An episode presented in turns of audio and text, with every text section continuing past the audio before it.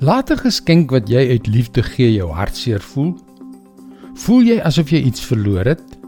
Nee, nooit nie. Dis nie hoe dit werk nie, is dit? 'n Geskenk wat uit liefde gegee word, bring tog vreugde. Beide vir die een wat ontvang en vir die een wat gee. Hallo, ek is Jockey Gouchee vir Bernie Diamond en welkom weer by Vars.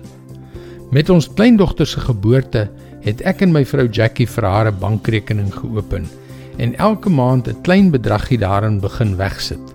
Want jy weet mos wat die spreekwoord sê: klein begin, groot gewin.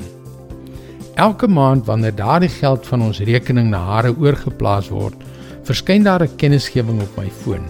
En elke keer as dit gebeur, ervaar ek hierdie borrelende uitbarsting van vreugde in my hart. Dis hoe dit voel wanneer jy uit liefde 'n geskenk gee. As ons sê dat ons God liefhet, sal ons nie dieselfde emosie ervaar wanneer ons 'n bydrae gee nie. Ons lees in 2 Korintiërs 9 vers 6 en 7. Dink daaraan: wie karig saai sal karig oes en wie volop saai sal volop oes.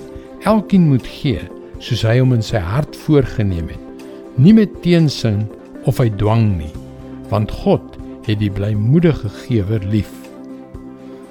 Dan moet ons vreugde wees wanneer ons bydra tot God se werk. Het sy dit van ons hulpbronne, van ons tyd of van ons Godgegewe gawes en vermoëns is. Wanneer dit 'n hartsbesluit is, 'n doelbewuste keuse is om te gee uit die vreugde van ons verlossing, uit die vreugde daarvan om daagliks saam met Jesus te wandel, dan is dit absolute vreugde. Jy mag dalk dink ek het nie veel om te gee nie, Maar weet jy, as jy 'n klein akkertjie plant, gaan dit eendag 'n magtige eikeboom word. Dink daaraan. Wie karig saai, sal karig oes, en wie volop saai, sal volop oes. Dit is God se woord, vars vir jou vandag. Dit is 'n groot vreugde om die woord van God elke dag met jou te kan deel. Elke dag vars vir jou. Het jy dalk God geïnspireerde idees.